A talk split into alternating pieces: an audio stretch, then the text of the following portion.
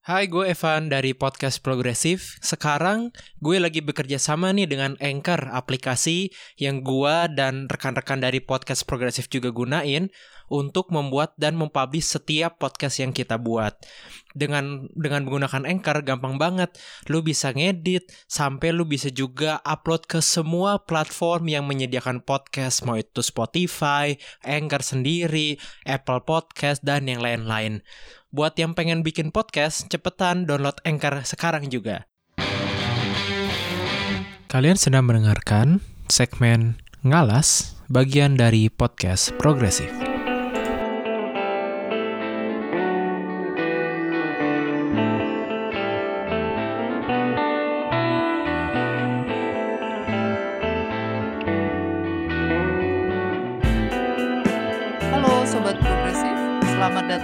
Rubrik ngalas, rubrik terbaru dari podcast Progresif bersama saya Sekar, di mana di sini kita akan membahas soal hutan, lingkungan, dan semua yang segar-segar. Nah, di episode pertama rubrik ngalas ini, eh, untungnya saya nggak sendirian. Eh, saya di sini ditemani oleh salah seorang rekan dari podcast Progresif yang tentunya udah cukup akrab nih di bagi para pendengar eh, podcast Progresif semuanya.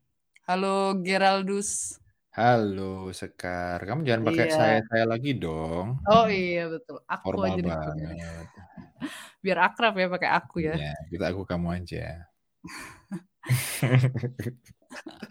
ya sorry. Em, ya begitu. Jadi teman-teman, rekan Iya. eh, rekan pendengar ngalas, aku akan mendampingi Sekar paling enggak untuk sementara atau untuk selamanya aku nggak tahu. Sampai Sekar mendapat pendamping, aku akan mendampingi Oh. dia dulu. Eh, untuk eh, ya supaya dia nggak sendirian. Iya, makasih banyak loh Dan sama-sama. Ngomong-ngomong nih ya, hostnya utamanya di pembuka ini mendingan ke aku dulu karena pendengar kan butuh tahu nih siapa kamu. Masa dia dengerin orang yang dia nggak kenal. Jadi coba sebutkan nama Oke. lengkap kamu. Siapa? Jadi nama saya eh nama Saya lengkap nih ya, nama lagi. lengkap saya tuh ada empat kata. Oh iya, nama lengkap aku ya. Nama lengkap aku tuh ada empat kata dan semuanya kalau didengerin bener-bener kayak nama Jawa banget gitu. Sekar, Ayu, Woro, Yunita. Wih, Bagaimana Ayu kesan? banget. Namanya Ayu banget namanya. Ayu itu cantik. Oh, seperti Iya. orangnya. Enggak namanya aja tapi sayangnya. Ngomong-ngomong. Ya, baik. bercanda bercanda kamu cantik kok lah lah lah lah, lah. kok jadi gini ya terus em, kenapa kok kamu mengangkat isu hutan coba emang kamu punya background hutan atau kamu anaknya orang Iya. hutan Ya, jadi kok memang gitu sih eh, ketawa dong Iya, kenapa sih eh, aku ngangkat isu hutan? Ya, pertama karena memang aku punya eh, latar belakang pendidikan di kehutanan. Eh, aku sekolah S1-nya kehutanan, sekarang juga sedang sekolah S2 di Tropical and International Forestry di Jerman, di kota Göttingen. Eh, dan juga eh, selama kurang lebih empat tahun terakhir, eh, aku juga kerja di sektor kehutanan juga, meskipun kerjanya eh, di international development sih, pindah-pindah, cuma oke oke apa tetap di sektor kehutanan. Jadi eh, satu itu karena memang apa namanya isu yang aku sudah dalami sejak tahun 2012 bisa dikatakan begitu. Kemudian yang kedua eh, karena eh, isu hutan ini adalah isu yang masih kurang diangkat eh, oleh mainstream eh, media gitu loh, Ger. oke Hmm. kamu sayang hutan ya Aku sayang hutan loh. kenapa kok sayang hutan pernah ke hutan Oh iya, sering dong kan hutan sebagai apa mahasiswa kehutanan sebagai sebagai praktisi juga. Gimana? hutan apa Banyak sih. Kalau dulu kan waktu kalau kuliah di karena kuliahnya di Jogja kan eh, seringnya itu kan kalau misalnya kuliah lapangan itu kamu pernah denger dong. Kamu kan juga orang Jogja kayak denger Wanagama, itu kan juga hutan. Itu kan. Iya. Yang di di Gunung Kidul itu. Terus eh, apa namanya dulu juga pernah ada praktek eh, di hutan sebulan itu kan selama kuliah S1 tinggal di hutan. Nah, terus setelah itu waktu kerja juga eh, bolak-balik ke hutan yang ada di Kalimantan Utara, di eh, Kalimantan Barat seperti itu juga. Jadi eh, apa namanya udah ya eh, hubungan saya dengan hutan eh, cukup cukup ya saya tidak bisa bilang cukup dekat, cukup erat, tapi saya merasakan, eee, rasa sayang yang mendalam gitu terhadap hutan, bisa dikatakan. Kamu anggota pencinta alam memang ya? Enggak enggak anggota pencinta alam sih, tapi kayak dengan menjadi dengan kuliah di kehutanan aja itu sudah otomatis seperti jadi anggota pencinta alam sih, waktu itu rasanya, kegiatannya. Oke oke. Terus kabarnya kamu pernah ke hutan yang di luar Indonesia? Iya betul, mmm, di beberapa negara waktu, eee, kuliah S1 juga kan dulu sering ikut pertukaran atau sering ikut, eee, program-program, eee, short field trip kayak gitu. Jadi dulu pernah di hutan yang di Kanada, di Nepal, di Afrika Selatan, kemudian di mana lagi aduh saya lupa, di Filipina, dan berbagai negara lain. Wow, baru pertama kali aku dengar orang, eee, banyak, eee, berkunjung ke negara lain untuk hutan, luar biasa. Tapi semakin kamu mengunjungi, eee, hutan di negara lain, semakin kamu mencintai hutan di negara sendiri, Ger. Oh ya? Hutan di Jerman juga kamu udah pernah kunjungi dan kamu bandingin ke Indonesia? Iya, tentu aja, apa namanya, kalau hutan di Jerman sudah. Kenapa kok terus jadi sering mencintai hutan sendiri? Karena kamu jadi menyadari betapa kayanya hutan di Indonesia itu, ketika kamu mengunjungi hutan-hutan yang di luar negeri. Karena ternyata mereka hutan-hutan yang mereka miliki itu sangat tidak ada apa-apanya gitu dengan hutan yang ada di Indonesia ini, kayak gitu. Kan kita tahu juga kan ya, apa kalau misalnya kita merujuk pada, eee, rilis dari FAO di tahun 2020 di Global Forest Resource Assessment itu kan 66% hutan dunia itu cuma ada di 10 negara, 66%, salah satunya di Indonesia. Iya. Iya iya, benar benar. Dan kita nomor Dan 3 negara yang spesies pohonnya paling banyak di dunia bahkan. Betul. Jadi kayak jenis pohon di Indonesia itu estimasinya sekitar 5.623. Ini estimasi ya, bisa kurang bisa lebih. Dan coba kamu bandingkan dengan di Jerman yang mana kata dosen aku itu di Jerman itu cuma ada 71 spesies. Hmm, dan dan menurutku juga yang paling apa, yang paling membedakan adalah hutan di Indonesia juga satwa-satwa di dalam ini walaupun bukan topik kita ya. Satwa-satwa di dalamnya juga, eee, banyak gitu ya, nggak kayak di Jerman misalnya. Misalnya mereka harus mengorganisasi perburuan, eee, apa itu, babi hutan supaya nggak, eee, menghabisi hutan mereka. Karena mereka nggak punya, Hmm. eee, apa, karnivoranya, kayak harimau Sumatera atau pemakan Iya. dagingnya di hutan mereka yang tadinya serigala itu punah, serigala sama apa lagi, beruang. Itu kata Iya. temanku yang kuliah hutan juga di sini. Ya, meskipun itu masalah yang juga, mmm, mulai dihadapi juga di Indonesia sih sebenarnya. Tapi itu sih, mungkin kita bahas di lain episode. Oke oke. Ya tapi pokoknya itu ya teman-teman intinya Ngalas itu podcast, eee, rubrik podcast kita yang baru yang itu tadi untuk membahas apa tadi, membahas apa? Membahas isu hutan, lingkungan, dan semua yang segar-segar. Seperti Benar. namaku loh, Sekar. Oh iya, Sekar sama Segar deket sih, deket sih. Iya, itu. Cuman Sekar biasanya nama perempuan, Segar nama laki-laki. Belum pernah aku denger Segar nama perempuan. Aku belum pernah kenal sih, belum pernah Belum punya temen namanya ya. Segar sih. Sama. Ya tapi itu ya, maksudnya kita tahu kehutanan eh, hutan di Indonesia itu kaya, tapi sayangnya kita gagal merawatnya, gagal Ya. memanfaatkannya dengan sustainable. Ya, eee, kita bisa bilang gagal atau kita bisa bilang ber belum berhasil kata Hmm. kata-kata yang mungkin jauh lebih halusnya seperti itu. Ya jadi, eee, kita tahu hutan di Indonesia itu kaya kaya banget, sekaya itu kayak gitu. Bahkan sampai kalau misalnya di narasi yang ada di apa, report-nya FAO yang aku sebutin tadi, itu proporsi hutan Indonesia itu bahkan dia memiliki pengaruh yang sangat besar di di Asia, di mana penurunan apa namanya, hilangnya hutan di Indonesia itu mempengaruhi penurunan hilangnya hutan di Asia kayak gitu. Itu narasi yang di di ditulis di di report-nya FAO kayak gitu. Nah, tapi dengan kekayaan, eee, di hutan Indonesia ini, kita juga memiliki kekayaan pula, eee, dalam hal konflik gitu, yang ada di di hutan kita gitu, Ger. Ya, dan kelihatan sebetulnya karena tahun 2017 Litbang eh, 2019 Litbang Kompas bi- eh, menyajikan lagi apa ya data mengenai tutupan hutan di Indonesia, hutan alam ya, primary forest. eh, yang tahun 2007 2017 direkam dan itu misalnya di Sumatera itu ada 10,4 juta hektar. Di Jawa itu ada 19.000 hektar. Kalimantan itu 24 juta, di Papua 33 juta, Sulawesi 8 juta hektar. Lucu ya teman-teman bahwa ingat nggak kalau di sekolah kan dulu kita dikasih tahunya selalu bahwa Kalimantan itu paru-paru dunia bla bla bla. Ya walaupun kita eh, Indonesia hanya memiliki 3 per 4 Kalimantan ya, tapi maksudnya bahkan Papua ternyata hutannya jauh lebih banyak daripada Kalimantan. Dan yang mengagetkan adalah sebetulnya deforestasinya. Betul. Dari 2013 sampai 2017 itu Kalimantan 2 juta hektar, di Sumatera 970 ribu hektar, di Sulawesi hampir sejuta hektar, di Papua hampir 700 hektar, itu ditebang pohonnya untuk dijadikan keperluan industri macam-macam.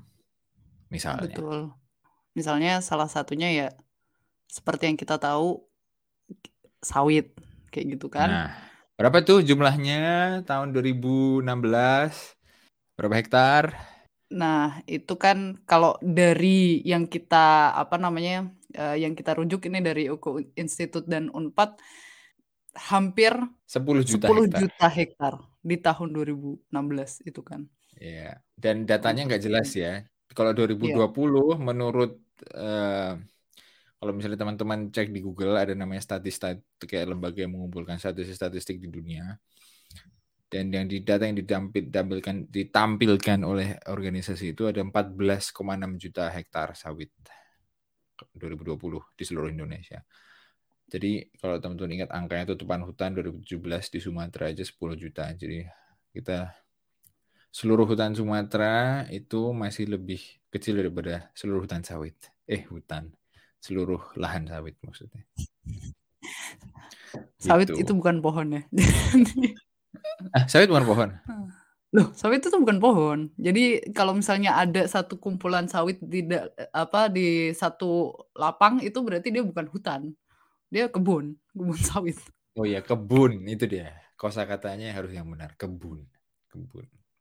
Dan Indonesia nomor tiga negara dengan average annual net loss hutan terbesar di dunia 10 tahun terakhir 2010 sampai 2020.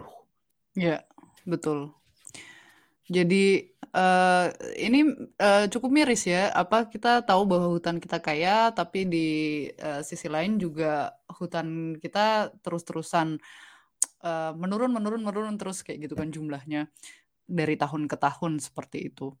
Dan eh, sebenarnya penyebab dari rusaknya hutan ini juga macam-macam sih seperti yang tadi sudah kita apa namanya kita sebutkan eh, atau kita singgung tadi kan ada sawit kayak gitu ya.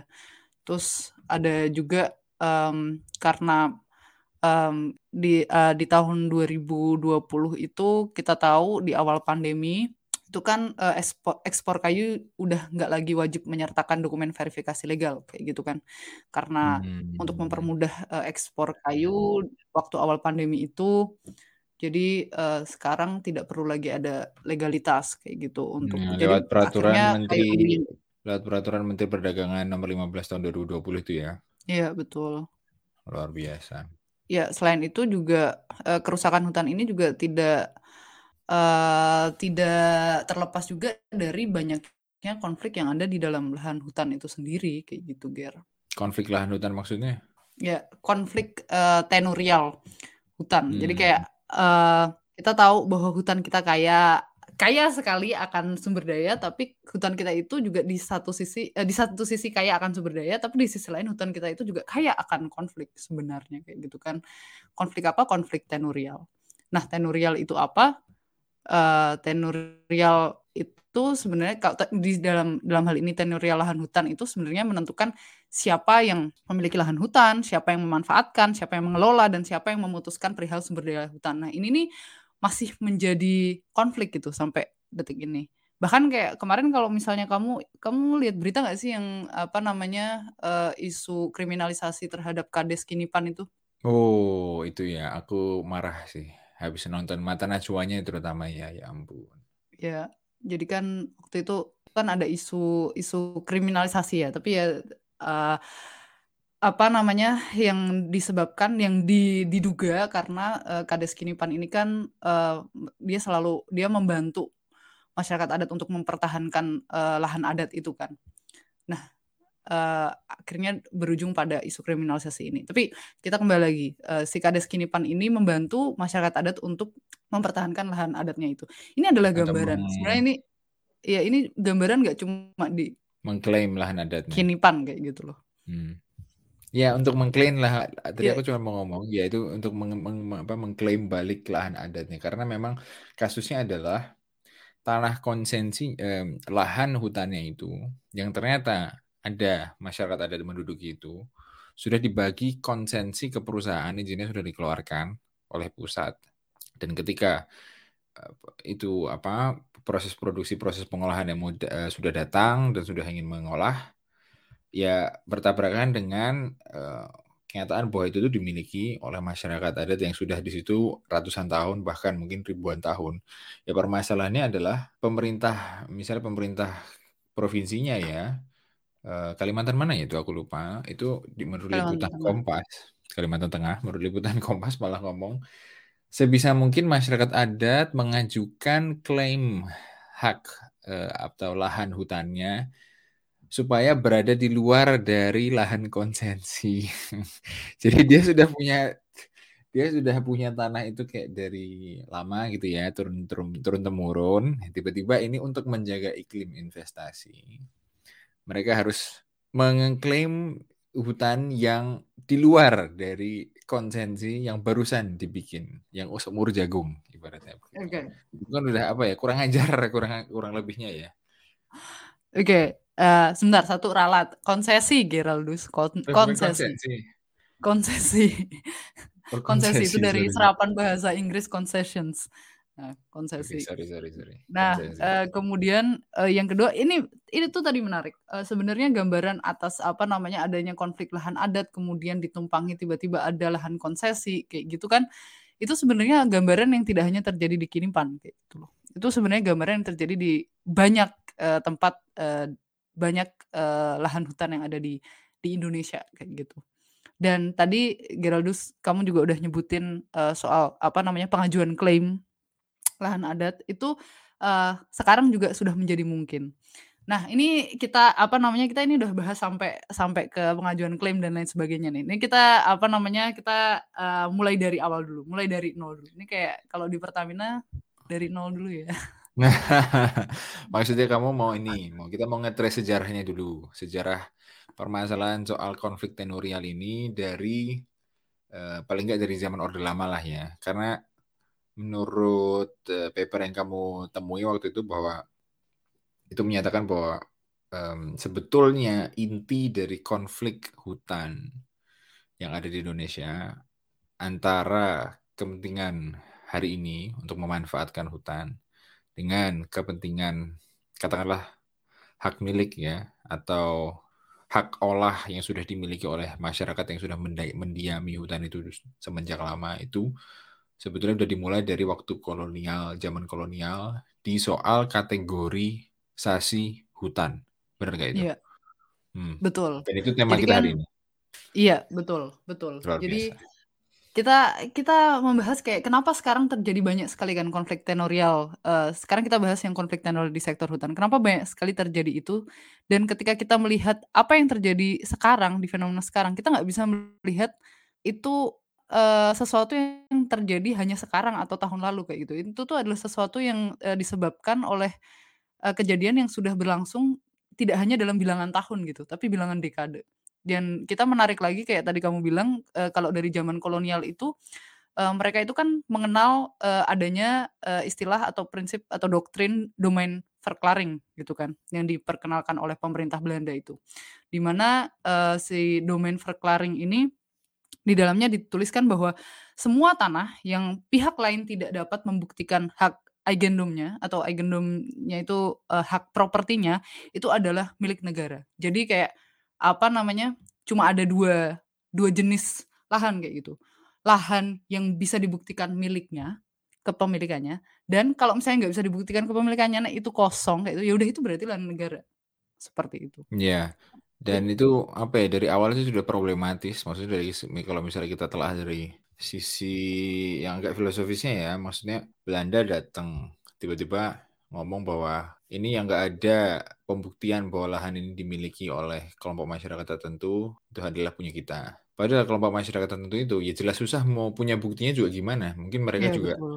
mereka juga nggak mengenal misalnya konsep sertifikasi tanah misalnya. Betul. Kan border betul. yang ada di antara adat-adat itu kan bukan um, border yang tetap yang sudah ada apa ya penelitian satelitnya yang sudah ada informasi meterannya luasnya kan itu semua masih bentuk hmm. peradabannya berbeda gitu kan ya strukturnya berbeda dan yeah. struktur hukumnya yang secara politik diimplementasi oleh Belanda menabrak struktur katakanlah organik dari kehidupan masyarakat adat ya maksudnya itu kayak cuman telah yang lain aja yang dan dan itu membukti yang mem, menjadikan akar masalah dari hal yang mau kita bahas hari ini sih.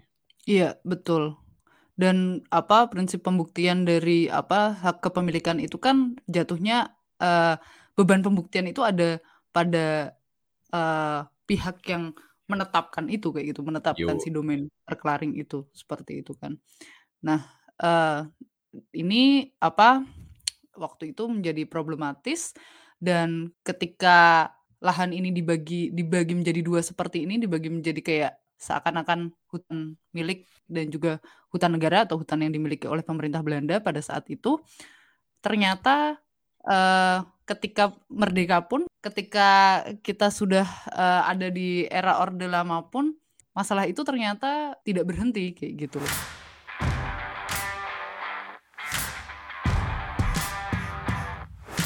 Eits, bentar dulu.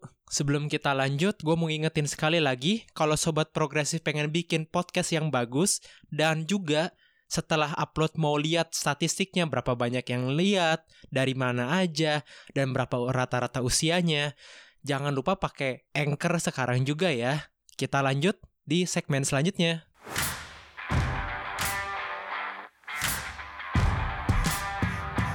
Meskipun waktu itu uh, Soekarno uh, sudah ini ya, sudah me di era Soekarno itu kan diterbitkan UUPA ya, atau yang hmm, kita kenal sebagai Undang-Undang Pokok Agraria tahun 1960.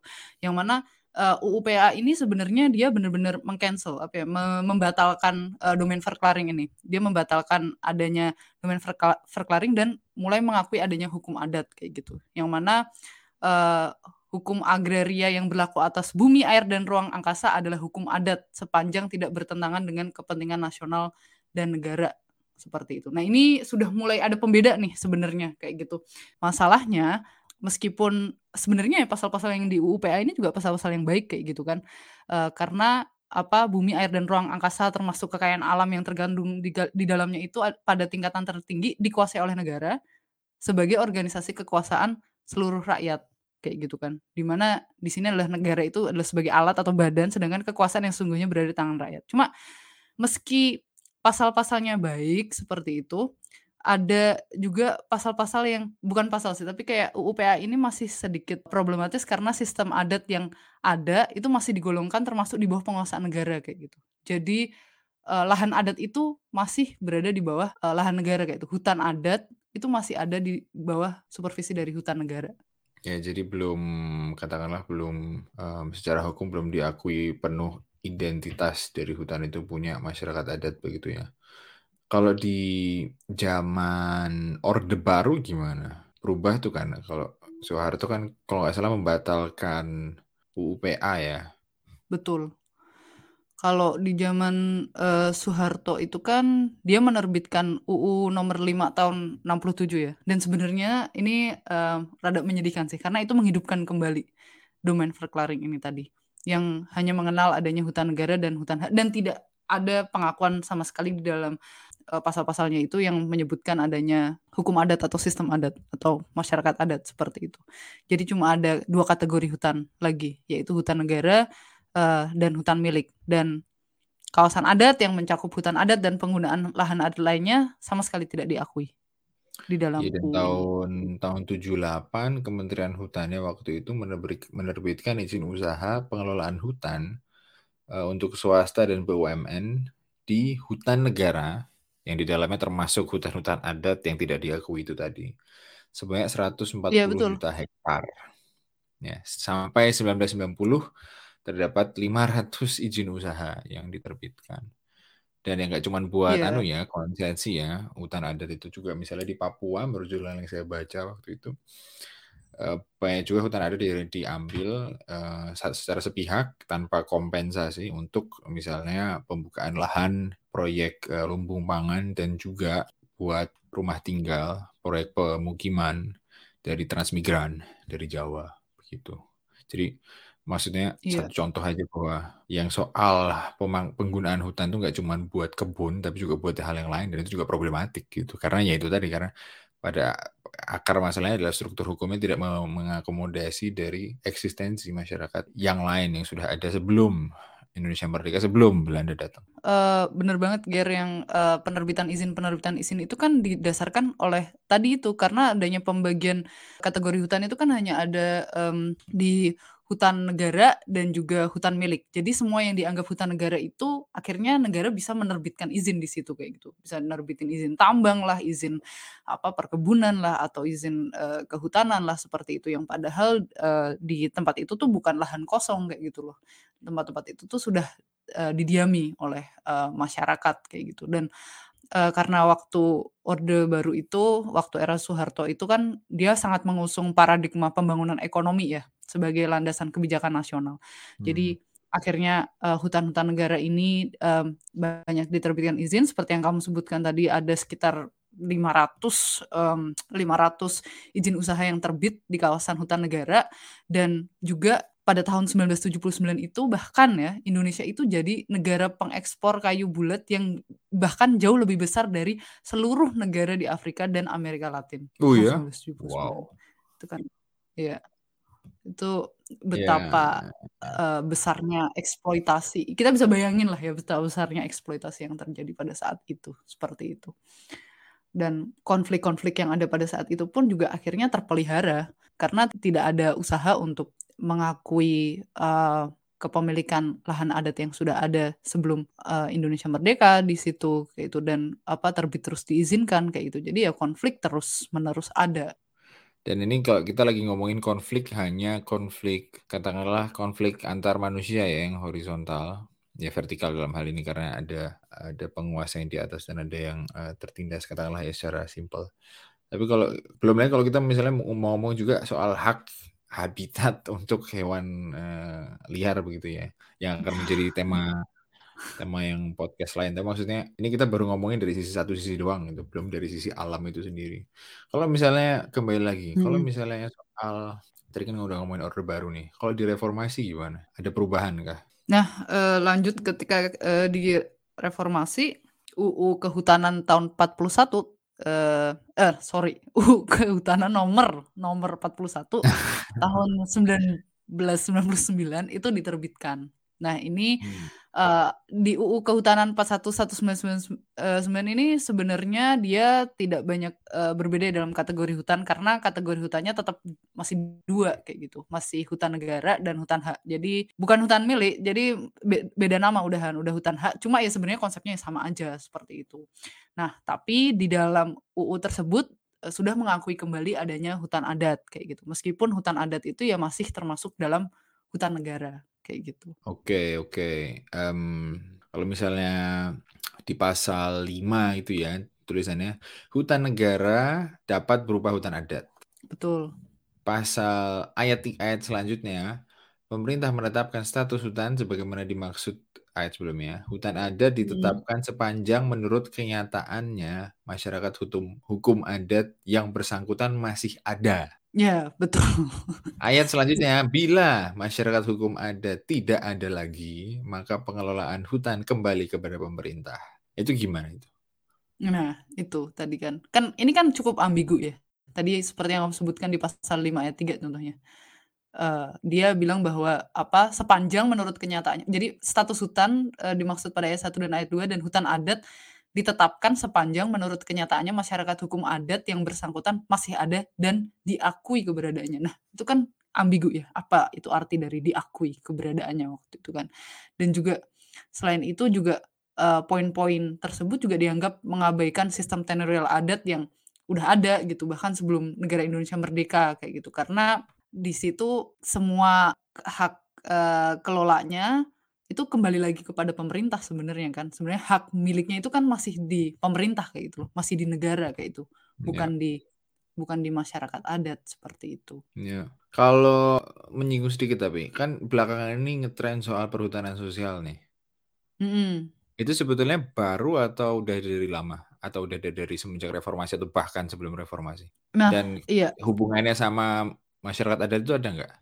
Nah, kalau perhutanan sosial itu sebenarnya konsepnya sendiri udah ada sejak tahun 1972 ya. Tapi, uh, di tahun 1972 itu perhutanan sosial itu konsepnya masih, uh, jadi konsep sosial yang dikembangkan tuh masih, uh, lebih dekat pada menyelamatkan kepentingan aset sumber daya hutan daripada kehancuran dan kerusakan, dan ini bukan konsep yang atas dasar model-model egalitarian dan partnership yang berkeadilan seperti itu. Itu tahun 1972 kayak itu. Tapi dengan terbitnya UU eh, Kehutanan uh, nomor 41 tahun 1999 ini sebenarnya juga uh, mereformasi apa konsep dari perhutanan sosial ini kayak gitu. Yang mana konsep perhutanan sosial ini uh, lebih ke uh, partnership yang berkeadilan kayak gitu dan lebih uh, berfokus kepada kesejahteraan masyarakat seperti itu kan.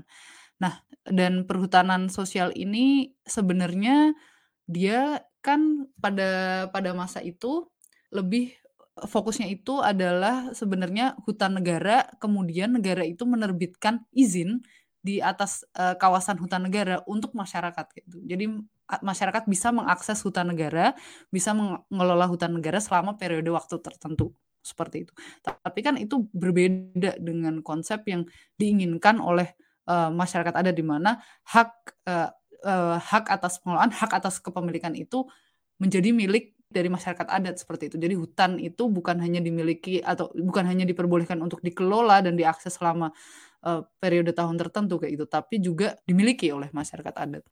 Ya dan dari dekade-dekade belakangan uh, setelah jatuhnya Orba, maksudnya setelah reformasi sebetulnya Uh, kita melihat ada perkembangan ya untuk, uh, katakanlah advokasi, uh, suara-suara masyarakat adat ini melalui organisasi-organisasi yang, uh, katakanlah juga besar ya, AMAN, hmm. HUMA, Epistema Institute, Samdana Institute, nggak cuma organisasi-organisasi advokasi, tapi juga ada institut-institut hmm. yang, hmm, katakanlah terus, uh, mengupayakan ini secara hukum untuk mencari payung hmm. hukum itu dan uh, tonggaknya bisa dibilang kemarin putusan MK nomor 35 tahun 2013 ya yang mengakui akhirnya perbedaan antara hutan negara dan hutan adat hutan adat bahwa hutan adat itu enggak masuk hutan negara. Jadi hutan adat itu ya hutan sendiri gitu ya, punya masyarakat adat. Iya. Yeah. ada pencampuran di antara keduanya. Nah, kalau era Jokowi gimana? 2013 itu udah era Jokowi belum sih? Belum kan? 2014 dia kan. Iya. Kalau era Jokowi ada ada kemajuan Iya. Nah, kemudian, uh, di era Jokowi itu, meskipun tadi putusannya itu, uh, di 2013 ya, tapi sebenarnya, uh, Indonesia itu baru menerbitkan surat pengakuan hutan adat itu di Desember 2016. Yang mana pada waktu itu Indonesia menerbitkan sebanyak 9 surat pengakuan hutan adat. Kalau di era Jokowi sendiri sebenarnya, apa namanya, perhutanan sosial itu menjadi salah satu program primadonanya Jokowi sih yang mana uh, perhutanan sosial uh, di program perhutanan sosial ini Jokowi uh, pemerintahan Indonesia berkomitmen untuk uh, menerbitkan izin di uh, lahan negara sebesar 12,7 juta hektar itu untuk perhutanan sosial seperti itu. Dan kurasa apa ya soal uh, perjuangan uh, katakanlah ini harus pakai kata perjuangan ya karena benar-benar ada upaya melawan ketidakadilan ya yang mereka terima uh, mereka alami itu tidak berhenti. Dan misalnya sekarang ya harapannya satu sebetulnya satu-satunya harapannya ya ada di RUU masyarakat adat yang di situ mengapa ya mengakui lengkap dan mengatur mekanisme-mekanisme lengkapnya bagaimana kalau misalnya mau masyarakat adat itu mengklaim uh, wilayahnya gitu ya sampai sampai hari ini kan masih blur tuh lewat pemerintah desa, pemerintah iya, kabupaten, ya, pemerintah provinsi, betul. kemudian negosiasi lagi dan macam-macam. Nah nanti kalau misalnya RU masyarakat adat ini sebenarnya ada, sebetulnya itu nggak ada masalah lagi soal katakanlah masalahnya bakal sangat-sangat berkurang karena semuanya sudah jelas sih tata tata caranya pembentukan apa panitia untuk mengakui uh, wilayah adat dan lain sebagainya. Walaupun selama ini juga ada misalnya lewat undang-undang desa ya, cuman memang um, katakanlah masih kurang kurang begitu uh, komprehensif karena klaususnya yang dipakai yeah. masih uh, pertimbangan soal asal usul dan bukan teritori gitu. Jadi ya ada banyak lah permasalahannya dan dan itu sebetulnya RUU itu sudah dimasukin dari tahun dari banyak tahun yang lalu, dari 2013 sebetulnya, dari semenjak putusan MK itu di, di uh, dijatuhkan. Tapi sampai hari ini masih belum lolos-lolos, ya, walaupun tahun ini sudah masuk prolegnas lagi. Mari kita lihat apakah nanti ada perkembangan gitu. Karena kalau misalnya itu nggak goal yeah. ya permasalahannya akan terus-menerus tumbuh sebetulnya soal Betul. tenurial yang berkaitan dengan masyarakat adat gitu. Ya, dan uh, sebenarnya dengan adanya perhutanan sosial itu juga uh, ini uh, mulai dianggap banyak orang mulai ada titik terang lah ya, mulai ada alternatif untuk apa pengelolaan hutan bersama masyarakat seperti itu. Nah, um, kembali lagi nih Ger, kalau misalnya kita tadi kan uh, sudah bicara soal apa namanya uh, gimana akar konflik, uh, tenurial yang ada di Indonesia itu tidak hanya terjadi di tahun ini atau beberapa tahun belakangan, tapi kita benar-benar merunut dari beberapa dekade ke belakang, kayak gitu kan ya.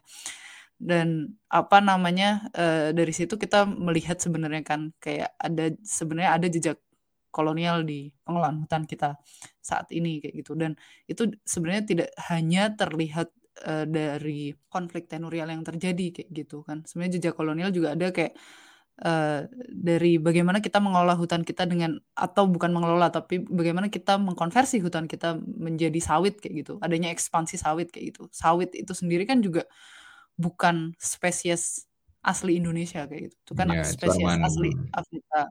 Tanaman Afrika alien Barat. ya istilahnya. Betul. Mm -mm. Yang waktu itu juga dibawanya oleh Belanda waktu itu di tahun sekitar 1870-an dibawa kemudian uh, dibawa ke Jawa waktu itu uh, pertama kali ekspansi sawit itu kan sebesar 91 ribu hektar itu kan di Jawa dan di Sumatera. Dan sekarang juga uh, kita bisa lihat betapa ekspansifnya sawit. Dan sebenarnya masih banyak lagi sih uh, apa namanya jejak-jejak kolonial yang lain itu. Selain dari konflik tenuria lah dari sawit lah atau dari bagaimana pengelolaan hutan di Jawa yang uh, pernah sempat uh, cukup totaliter seperti itu dan yang bisa kita bahas di episode-episode podcast yang mendatang tentunya. Tapi kalau ngomongin episode podcast selanjutnya nih, kamu hmm. udah punya rencana kan mengundang atau mau bahas tentang apa? Bahas tentang apa tuh? Iya, iya. Jadi karena kita tadi kan uh, mentok nih bahas soal perhutanan sosial. Jadi kayak bagaimana perhutanan sosial itu apa namanya, menjadi suatu alternatif atau menjadi suatu titik terang dalam, uh, pengelolaan hutan, uh, bersama masyarakat kayak gitu ya. Karena yang tadinya hutan itu benar-benar hanya dikelola oleh negara dan juga swasta kayak gitu, sekarang, uh, hutan itu juga bisa loh, uh, dikelola, uh, oleh masyarakat dan masyarakat juga bisa memperoleh perizinannya begitu kan. Tapi bagaimana sebenarnya implementasinya? Apakah, uh, perhutanan sosial ini benar-benar bisa mengatasi atau mereduksi, mengurangi konflik yang sudah ada di Indonesia dan apakah perhutanan sosial ini juga benar-benar bisa mampu untuk mewajib, mewujudkan keadilan sosial bagi seluruh rakyat Indonesia? Buset. itu loh Pancasila kan? Gila gila. Itu akan kita bahas di episode podcast selanjutnya. Tentunya bersama narasumber yang kompeten di bidangnya. Kita akan bahas soal perhutanan sosial dan bagaimana sebenarnya masa depan pengelolaan hutan bersama masyarakat ini. Oke. Oke, mantap. Excited, excited. Mari kita tunggu teman-teman episode ah, ya, okay. yang selanjutnya. Salam menutup, salam menutup. Oke, iya. Terima kasih banyak ya Geraldus sudah menemani saya. Kok saya dan, lagi sih? Oh iya, aku maksudnya. Oh iya. ya, dan untuk sobat progresif semuanya, Uh, sampai jumpa di episode rubrik ngalas selanjutnya, di mana kita akan membahas isu hutan, lingkungan, dan semua yang segar-segar. Dadah! Dadah.